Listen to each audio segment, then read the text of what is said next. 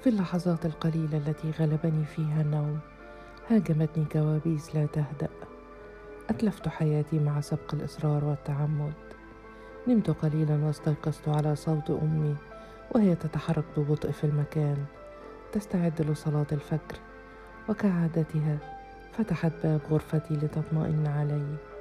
وتطمئن أنني نائمة في فراشي. تقول إنه أفضل منظر تراه. وأنا منكمشة تحت الأغطية وشعري متناثر. على الوسادة. تظاهرت أني نائمة. سمعت صوت صلاتها ودعواتها لي وهي ترددها في همس مسموع. تمنيت أن أنهض وألحق بها للصلاة. ولكني كنت أعرف أن الله لن يغفر لي. جسد نجس مثل جسدي. لن يتقبل الله منه أي توسل. مهما ألح. في الدعاء. ظللت أترقب نافذتي المغلقة حتى يظهر نور الصباح ولكنه تأخر طويلا. نهضت من فراشي تظاهرت أني أتناول الفطور تحت عيني أمي المتفحصتين ولكن نوبة الغثيان هاجمتني. أسرعت إلى الحمام وأنا أحاول أن أكتم صوت تقيؤي. لم يعد الأمر يحتمل. ارتديت ملابسي وهبطت. جلست على سلم بيتنا طويلا. عبرني الجيران. ألقوا علي تحية الصباح وهم يتأملونني في دهشة. وأخيرا حسمت أمري. وقفت أمام بيتها. بيتهم. شاهدته وهو يغادر. كانت معه الطفلة الصغيرة. وكانت هي واقفة في وداعهما. تقبل الفتاة وتحملها إلى السيارة وتعدل لزوجها رباط عنقه مثل كل الزوجات. تخطو على أرضها في ثقة ثقة من يمتلك كل شيء. انتظرت حتى ابتعدت السيارة. أخذت نفسا عميقا وتقدمت. كانت قد دخلت بيتها وأغلقت خلفها الباب. لم أمهلها طويلا. ضغطت على جرس الباب ففتحته من فورها. لم تكن قد ابتعدت وكانت ما تزال تلهث قليلا. حدقت في مندهشة ومستغربة. كنت قد حضرت الكلمات الأولى طويلا ولكن حلقي كان جافا. وأخيرا استطعت أن أقول لقد جئت لأعتذر لأنني تركتك وجريت فجأة. من دون أن أشكرك وكانت هذه هي حركة صبيانية مني. ظلت تحدق في بريبة ومن دون فهم ثم اشرق وجهها فجأة وهي تقول آه أنت فتاة المول أليس كذلك؟ لم يحدث شيء ولا مبرر للاعتذار. تراجعت وأوشكت أن تغلق الباب. تقدمت نصف خطوة ورأيت يدها تتحرك في تحفز. حاولت أن أبدو وديعة قلت أريد أن أتحدث معك قليلا هل تسمحين لي؟ نظرت إلي في حيرة. لا تريد أن تتخلى عن حذرها. نظرت في كل اتجاه لترى إن كانت هنا إن كان هناك من يتبعني. كان الموقف غريبا عليها قاسيا علي. أخفضت رأسي إلى الأرض. تركت لها فرصة لتحسم أمرها. لا بد أن غريزتها الأنثوية قد أيقظت ما بداخلها من فضول. لعل الأمر يخصها بطريقة أو بأخرى. فتحت الباب قليلا وسمحت لي بالدخول. كان بيتها انيقا هادئا مليئا بقصص الزرع في كل مكان. صورة مغايرة للشقة التي تضمني مع زوجها. كان هذا بيتا حقيقيا. يتحدثون ويتنفسون ويأكلون فيه. لا يقتصر الأمر فيها على مجرد ممارسة الجنس. جلست على أحد المقاعد. ظلت واقفة أمامي شابكة أيديها. قلت في صوت خافت أنا حامل وأريد مساعدتك. لاتخلص مما في بطني؟ اصفر وجهها ولكنها قالت في سخرية هذا ليس مستوصفا وأنا لست اختصاصية إجهاض. قلت أنا طالبة في كلية الهندسة زوجك هو السبب في حملي ولكنه رفض أن يقف جانبي.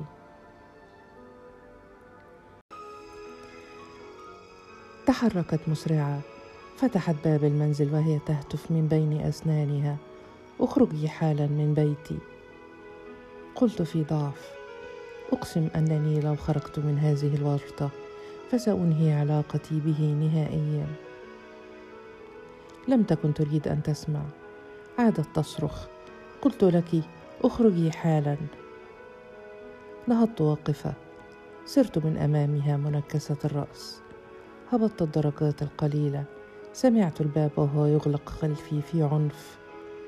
كان الهواء باردا والريح تزوم من حولي في كل اتجاه. كنت حمقاء. لماذا اعتقدت أنها ستستمع إلي؟ من قال أنها ستصدق ما أقول ومن قال أنها يمكن أن تساعدني؟ أجئت طالب المساعدة أم هي محاولة مني للتشفي. والآن ماذا علي أن أفعل؟ كيف أبحث عن المستشفى التي يقبلني؟ ومن أين سأحصل على النقود اللازمة؟ لقد وعدني بدفع التكاليف ولكن كنت متأكدة من أنه سيتخلى عني. لم يبق لي إلا أن أذهب وأعترف لأمي. بكل ما فعلته بجسدي. ولكن هل يمكن أن تتحمل صدمتها في؟ وهل في إمكانها أن تتصرف من دون أن تخبر أبي؟ ظللت واقفة في برودة الشارع. كان خاليا بطريقة غريبة كأنني وحدي في هذا العالم. وفجأة سمعت صوتها قادما من الخلف. تعالي ادخلي. لم تبتعد عن الباب ولم تنشغل عن وجودي. كانت تراقبني من خلفه. خطوت نحوها. كانت غاضبة. تنظر نحوي في قرف واضح. عدت إلى الداخل. جلست على المقعد نفسه. جلست أمامي من دون تحفز ومن دون تعاطف. كانت تريد أن تتحدث. قالت عندما تقابلنا في المتجر لم يكن الأمر مجرد مصادفة. كنت تعرفين من أنا. قلت رأيتكم جميعا بالمصادفة. بعد ذلك تبعتك وحدك. كنت أريد أن أعرف الزوجة التي أشاركها زوجها مجرد فضول مريض. ولكني أردت أن أراك عن قرب. قالت لست الطالبه الأولى التي تقيم معه علاقة ولن تكوني الأخيرة على أي حال. متى بدأت علاقتك به؟ قلت من بضعة أشهر منذ رحلة الأقصر وأسوان. تمتمت وكأنها تحدث نفسها. إنها طريقته التقليدية في اصطياد إحداكن. أتذكر هذه الرحلة. أستاذ كبير مثله. يترك مكتبه ويخرج في رحلة مدرسية. يدعي أنه يفعل ذلك لأنه مفتون بالعمارة الفرعونية وفي الحقيقة لا يقوم بها إلا إذا كان يطارد إحداهن. كنت أنت الفريسة هذه المرة. ظللت صامتة. لم يكن لدي ما اقوله ظلت تتأملني حائرة. لا تدري ماذا تفعل بي. قالت هل تزوجك سرا؟ عرفيا أعطاك مبلغ كبير هدايا ثمينة. هل وعدك بتقدير عالي في امتحانات آخر العام؟ قلت لا شيء من هذا أنا طالبة مجتهدة. نهضت فجأة وقبل أن أدري ماذا يحدث أحسست بيدها وهي تهوي على وجهي لم تكن صفعة قوية ولكن مهينة صرخت في وجهي وقالت بائسة لماذا فعلت ذلك بنفسك إذن؟ لماذا كنت صيدا سهلا إلى هذا الحد؟ ظللت صامتة حاولت أن أمنع نفسي من البكاء زاد هذا من توترها. أخذت تسير حولي وهي تصيح فيما يشبه الصراخ. كانت تصرخ في فراغ البيت. في ظله الموجود بيننا. بائسة ألا ترين المرايا التي تملأ هذا البيت؟ هو الذي اختار أماكنها حتى يرى نفسه في مختلف الأوضاع.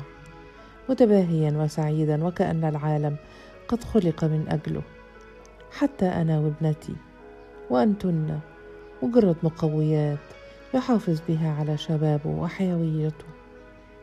كيف أعطيته أعطيتيه جسدك الصغير ليمتص عصارته كأي مومس رخيصة؟ لماذا تركتيه يضع بذرته فيك؟ لم تفطن لبكائي. كانت تصرخ وتروح وتجيء في المنزل وتصرخ كالمجنونة. خيل لي أن الضاحية الهادئة كلها تستمع إليها وأنها ستعاود طردي مرة أخرى ولكنها جلست أمامي أخيرا وهي تلتقط أنفاسها بصعوبة. مسحت دموعي وحاولت أن أنظر إليها وقلت أنا حقا آسفة. قالت أنا آسفة من أجلك. في النهاية أنت مجرد فتاة صغيرة وهو محترف اصطياد القاصرات. كم سيتكلف تخلصك من هذا الحمل؟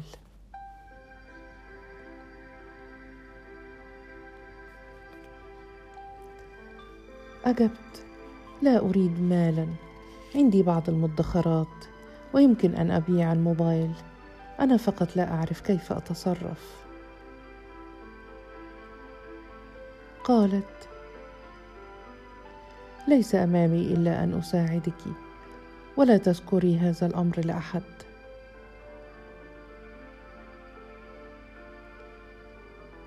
أريني وجهك هل اثرت اللطمه عليك؟ قلت هذا لا شيء هل تكرهينني؟ قالت أنت جديرة بالرساء قلت في حرارة لعلها تصدقني. أقسم أنني بعد أن رأيتك لم أعد أستطيع الاقتراب منه. أنا لست مبتذلة إلى هذه الدرجة ولست عاهرة. قالت لا حاجة إلى القسم. زوجي هو العاهر. هيا انهضي واغسلي وجهك ودعينا نفكر كيف سنتصرف. وعندما نهضت رأيت صورة له معلقة في كل مكان. كان يسخر مني. يحاصر المكان بإطارات لشهادته وجوائز تفوقه والأوسمة التي حصل عليها. كنت أتجول في عالمه العالم الذي هو إلهه. وقفت في حمامه وأنا أحس بضآلة بالغة. عندما عدت من الداخل كانت تنهي محادثة تليفونية. قدمت لي ورقة عليها عدة كلمات قالت هذا هو عنوان العيادة ستذهبين إليها غدا صباحا من دون إفطار. تناولت منها الورقة في صمت. كان جسدي كله يرتجف. كأنني أستعد للذبح قالت لن أستطيع أن أكون معك ستكفل بدفع الحساب ولكن يجب الا أظهر في هذه الأماكن. دعي شخصا تثقين به يرافقك. قلت في وهن ليس هناك من أثق به إلى هذه الدرجة. هتفت. أوه لا تزيدي من صعوبة الأمر. لابد أن يكون هناك من يقف بجانبك خوفا من أن تحدث أي مضاعفات. كنت خائفة مرعوبة. ولكني لم أشأ أن أنهار أمامها. خرجت إلى الشارع. ليس معي إلا ورقة صغيرة. ستحدد مصيري. تذكرت علي فجأة. الغريب العابر. الذي يمكن أن يقف بجانبي. الذي يمكن أن يحمل سري معه. ويمضي. سأدخله في تفاصيل عالمي الأسود. لم يكن هناك مفر. كان من المفزع أن أذهب وحدي إلى المذبحة. لم يكن لدي وقت للتردد ولا مجال للاختيار. ربما أكون قد أعطيته هاتفي القديم من أجل هذه اللحظة. أخذت أضغط على أرقامه. لم يرد. كانت السيدة بصوتها الآلي تكرر نفس الكلمات. الهاتف الذي طلبته خارج مجال التغطية. أين ذهب؟ هل سافر؟ هل أصابه اليأس وعاد إلى بلدته؟ حتى لو كان في القطار كان في استطاعته أن يرد علي ربما لم يشأ أن يرد. حتى أنت يا علي.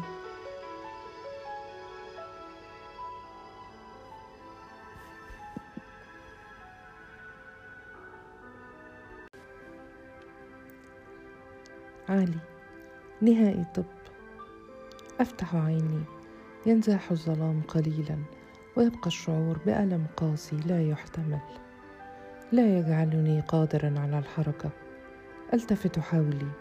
ضوء شحيح ينفذ من فاتحة فتحة مرتفعة ليست نافذة. أشبه بثغره موضع حجر. اقتلع من مكانه في هذا السقف الصخري. من دونها يصبح المكان مقبرة. ربما هو مقبرة بالفعل.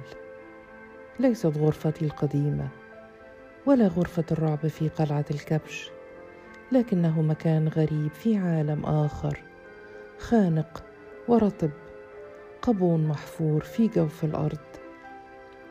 هل حفر خصيصا حتى يتم دفني فيه حيا؟ سؤال مرعب ولا يوجد من يجيب عنه.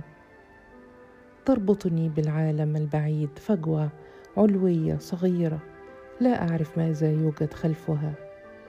لست ميتا فالموتى لا تمتلئ عيونهم بالضوء ولا ينامون على فراش من قش متسخ.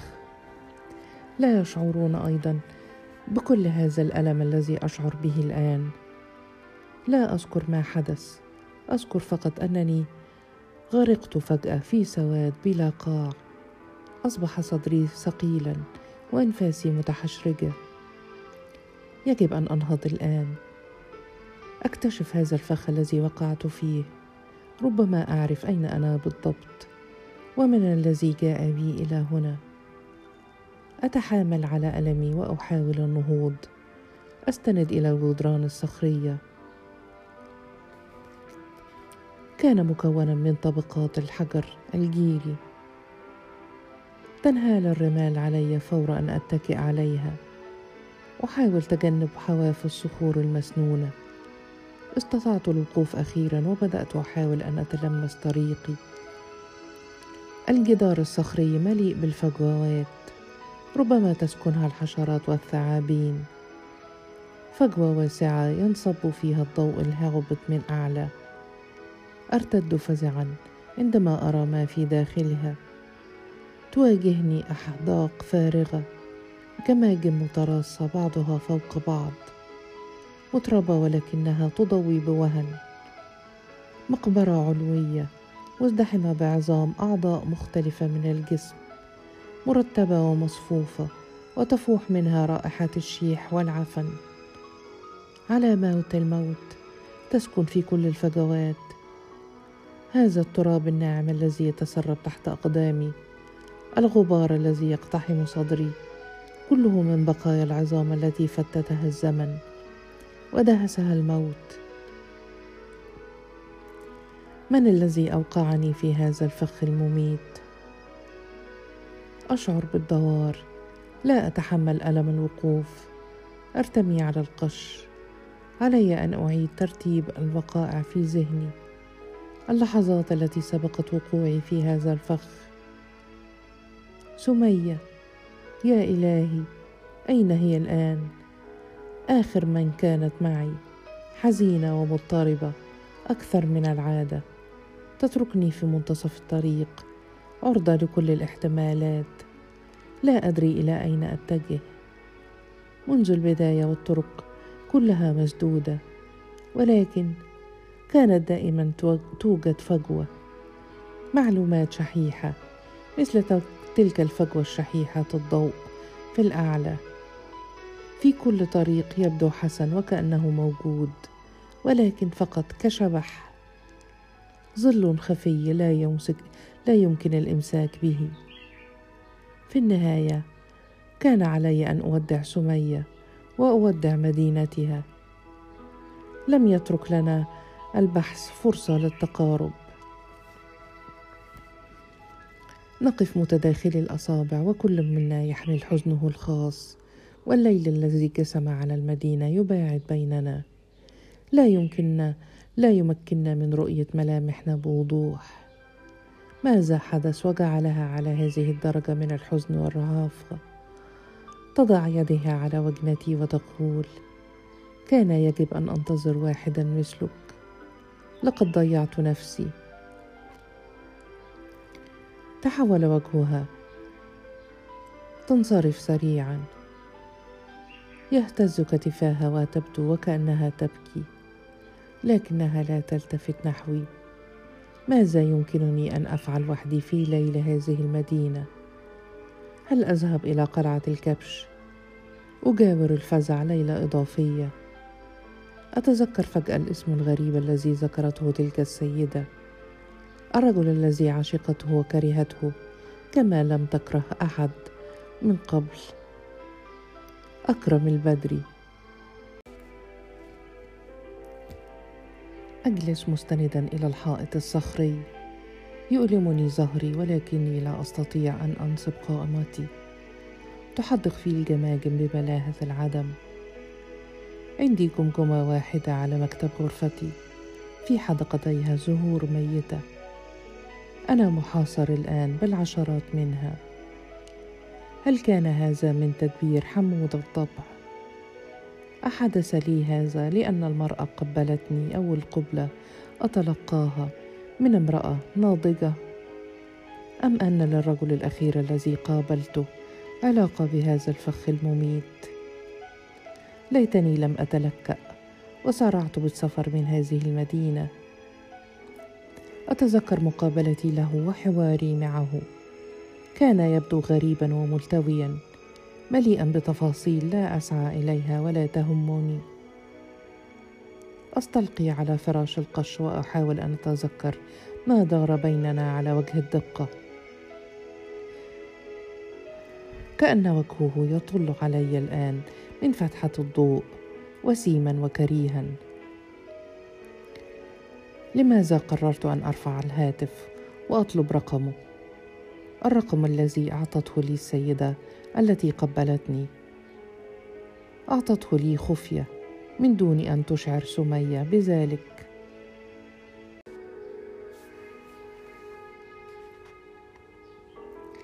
قالت لي هذا هو الشخص الوحيد الذي يمكن أن يخبرك بمعلومات ذات قيمة عن حسن الرشيدي ولكنك ستجده كعادته ملتويا وخبيثا. ضغطت على أصابعي مؤكدة على ذلك في نهاية حديثها معي. تركتني حائرا. وقد تشبع تشعبت أمامي سبل البحث وأصبحت بلا نهاية. هل كانت تريد أن تقودني إلى هذا الفخ؟ هل تعلم سمية أين أنا الآن؟ هل تبالي؟ أو يبالي أحد. متى يمكن أن ينتبه أهلي في مدينتي البعيدة لغيابي؟ وهل يمكن أن تعرف ورد أنني بددت حياتي هدرا من أجلها؟ أغمض عيني لعل الظلام يمنحني الفرصة لأفكر في هدوء.